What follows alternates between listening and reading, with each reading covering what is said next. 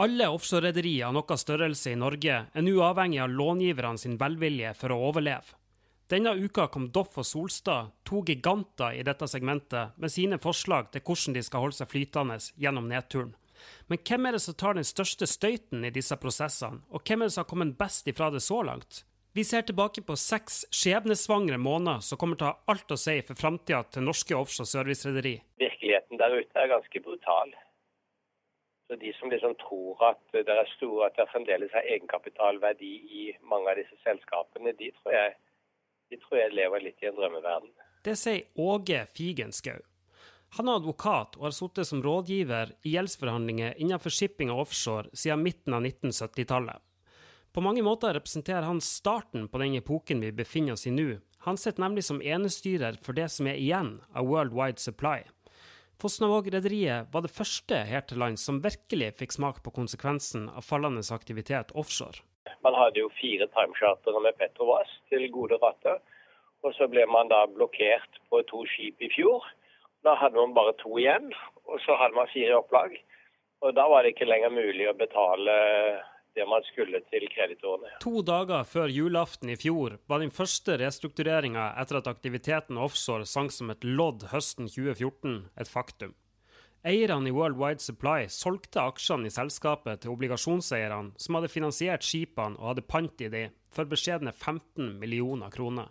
Å komme fram til en avtale i World Wide Supply var nok dramatisk nok for de involverte mens det sto på, men sammenlignet med det som har kommet etterpå, så framstår denne restruktureringa som relativt ukomplisert.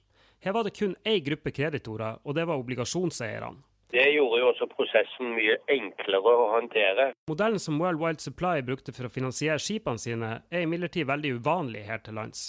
De fleste rederiene har først og fremst finansiert nybyggene sine med bankgjeld og brukt usikra obligasjonslån som en slags toppfinansiering for å bygge nye skip. Dermed er det flere som skal ha en plass ved bordet under diskusjonene om hvordan tapene skal fordeles når inntekten forsvinner og skipene synker i verdi. Det overordna er at det er for mye gjeld i bransjen her. da. Eh, det er for mye gjeld i det segmentet her, og en del av gjelda må bort. Dette er Pål Ringholm, analysesjef i Svedbank, som har fulgt nøye med på gjeldsforhandlingene det siste halve året. Så Det er både nedskrivning av gjeld, der obligasjonseiere må ta det første de største tapene. Og så, og så tror jeg etter hvert at bankene også ta tak i den sektoren. Solstad meldte denne uka at industrigiganten Aker kommer inn i selskapet med 500 millioner kroner mot en eierandel på drøye 30 At Aker gjør dette, er en solid fjær i hatten for Solstad, mener Ringholm. Vi hadde det beste utgangspunktet, og det blir enda bedre styrke etter det som skjedde her. Doff og Solstad er to giganter innenfor norsk offshore service, med en betydelig flåte bestående av en stor andel svindyre konstruksjonsskip. Det er imidlertid noen forskjeller på hvordan regnskapsbøkene til selskapene ser ut. Så Sammenligner da som analytikere eh, Solstad og Doff, så er det sånn at jeg vil, jeg vil si at, at eh, begge selskapene har jo tradisjonelt vært ledet av, av, av, dyktige og flinke folk. Det, det, er ikke der det store slaget står. da. Men Solstad har valgt å ha en mindre aggressiv struktur enn Doff har. Eh, og i Doffs tilfelle, selv etter og gitt nå at obligasjonseierne blir med på det her, så vil markedsverdien av egenkapitalen være, verdt ca. 2 milliarder norske kroner, mens selskapets gjeld fratrukket av kontanter vil være fortsatt rundt, eh, rundt 20 milliarder. Sånn at gjelda vil være anslagsvis ti ganger større enn markedsverdien av, av egenkapitalen.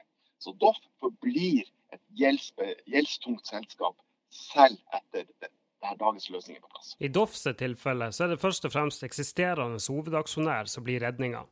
Møgster-familien lover 750 millioner kroner i en utvidelse av aksjekapitalen. For bankenes ståsted så husk på det at den store vinneren her i Doff-struktureringa oppleves i hvert fall å være bankene. Fordi at de slipper nå å ta spesifikke nedskrivninger på, på eh, i dette tilfellet Doffs eksempel, det kunne vært et annet selskap for ordens skyld. Og selv om de må utsette innbetalinga av avdrag, eh, eh, spesielt avdrag og nordrente, eh, så slipper de å ta nedskrivninger på det her. Og så bankene kan krysse fingrene og håpe at det her er nok til å ta selskapet gjennom den vanskelige perioden. Ringholm mener at de planene som Doff nå har presentert, er ganske representative for de vi har sett det siste halve året. Ja, bankene er vinneren. Taperne er obligasjonsinvestorer. Hvis du ser på utviklinga gjennom de siste par årene, og også de eksisterende aksjonærene, for ordens skyld. Så eh, her er det hierarkiet i kapitalstrukturen som spiller seg ut. De med sikkerhet og pant har kommet best ut. De mest usikre, altså obligasjonsinvestorene, og selvfølgelig aksjonærene, er de som har tapt mest. Doff og Solstad er de siste av mange som har varsla at de er i gjeldsforhandlinger. Åge Figenschou, som vi snakka med først der, har fulgt nøye med på det som har skjedd etter restruktureringa i World Wide Supply. Han tror ikke alle har vært like godt håndtert. Det er mange prosesser som har vært igangsatt, og få som er blitt vellykket konkludert. Denne type prosesser er jo veldig mye psykologi, mer psykologi enn regneark. Og det er veldig viktig at alle parter er edruelige og liksom har samme verdensbilde når man snakker sammen. Figenschou mener at spesielt bankene kan ha gått litt høyt ut. Jeg trodde at det har vært lite klokt av bankene å, å tvinge debitor til uh, å bruke bankene som rådgiver, fordi da får du øyeblikkelig obligasjonshaverne som blir svært skeptisk til alt som kommer. Havila, med Sævik-familien som største eier, var det første av de større offshorerederiene som varsla at de var i gjeldsforhandlinger. Det skjedde i januar i år. Selv om obligasjonsgjelda i rederiet kun sto for en relativt liten andel av den totale gjelda, stranda hele avtalen da obligasjonseierne nekta å gå med på den. Her er partene fortsatt i forhandlinger fem måneder etter. Det er det jeg kaller en veldig dårlig prosess. fordi Altså, jeg har drevet med restrukturering av rederier siden jeg begynte i yrkeslivet i 1977. Um, og eh, det å gå til noen og deretter gi andre en pistol mot tinningen og si at uh, skriv under, eller så trekker vi av, det går svært dårlig i de aller fleste tilfellene. Det Havila skulle gjort, var jo hatt en prosess hvor alle var involvert, og hvor uh, hvor uh, liksom alle tok inn over seg virkeligheten. Og det tror jeg det er ikke det som har skjedd i det tilfellet. Figenschou mener at behandlinga av obligasjonseierne i flere av restruktureringene vi har sett så langt, kan komme til å få konsekvenser senere. Det som jo som jeg bare lurer på om man liksom har helt tatt inn over seg Jeg vet at noen banker sier at ja, nå skulle man liksom lære obligasjonseierne en lekse, slik at de skulle være mykere i knærne neste gang. Du kan også få en annen en annen reaksjon, nemlig at, at, hvis du ser på hvem som er obligasjonseiere i, i de forskjellige supply-selskapene, så er det stort sett de samme i alle selskapene. Og eh, de du eh, er, er, er lite hyggelig med i én sammenheng, kan det jo være at du har behov for skal være litt samarbeidsvillig i en annen sak.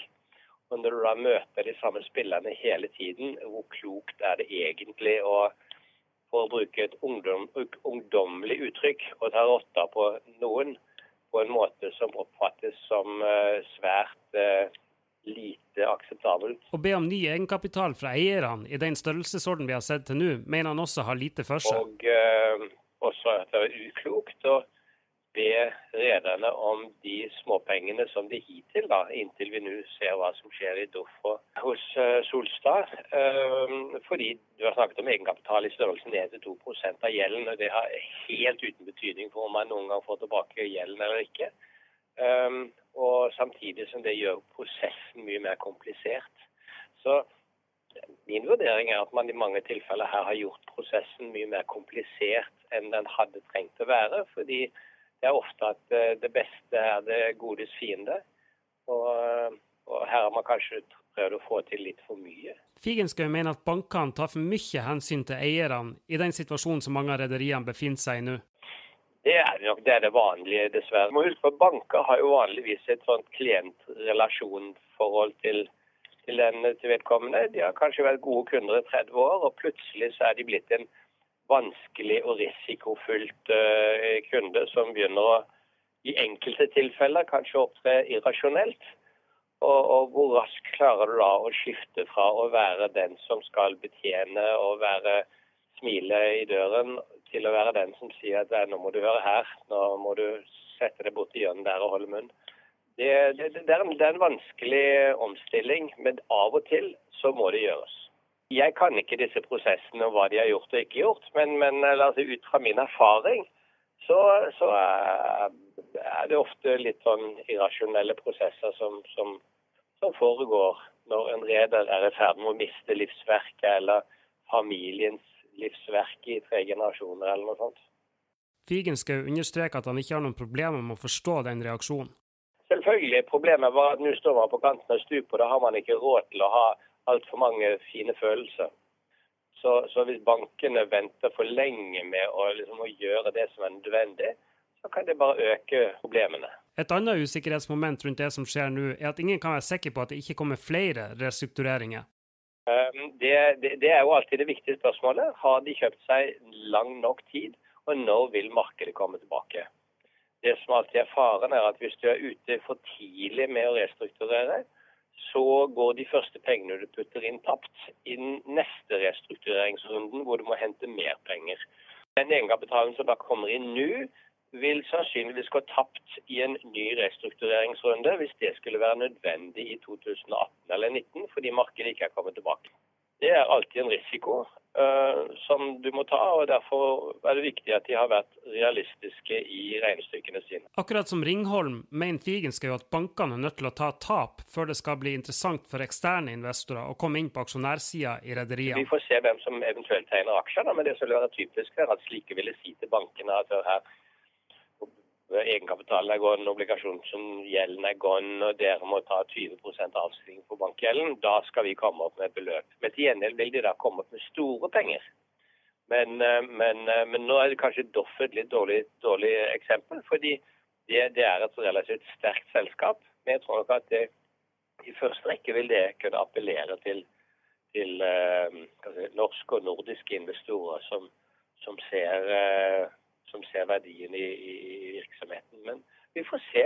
Vi er helt ukjent territorium. Jeg kan jo bli vist at jeg tar helt feil og at det er stor interesse fra New York. men det, det, er ingen som har prøvd det ennå, så vi får se hvordan det går. At det blir noen konkurser av dette, har han imidlertid ingen tro på. Hvis det er én ting bankene vet, den beste måten å maksimere tapet sitt på, det er å få et selskap i skifteretten. Så, så det, det, det, tror jeg man vil i det aller lengste unngå. Så, um, så en, en, tradisjonell konkurs, tror jeg, da, da, skal det litt spesielle forhold til for at man skal ende opp der. Da må man nesten snuble inn i skifteretten. Dette var den femte podkasten fra Sysla Shipping. I de fire andre snakka vi om hvem som sikla på norske offshoreskip fra utlandet, hva som er forskjellen på denne krisen og den vi hadde på midten av 1980-tallet, og Parli Augustsson forteller om hvordan han styrte Balder fra å være et av verdens største offshorerederi til å gå konkurs og havne i fengsel. Du kan også høre Norges Rederiforbund be Statoil om å ta tørn før de gjør uopprettelig skade på leverandørindustrien på norsk sokkel. Hvis du likte denne podkasten, setter vi pris på om du gir oss så mange stjerner som du syns vi fortjener i iTunes. Du kan også sikre deg at du får høre de nye podkastene våre med en gang vi legger de ut, ved å abonnere på kanalen Sysla Shipping. Det kan du gjøre i iTunes, Acast eller der du liker å høre på podkaster. Hvis du vet om noen andre som kunne tenke seg å høre dette, er det også stas om du deler den med dem. Da gjenstår det bare å takke for at du hørte på denne podkasten fra Sysla Shipping. Håper det ikke blir lenge til neste gang.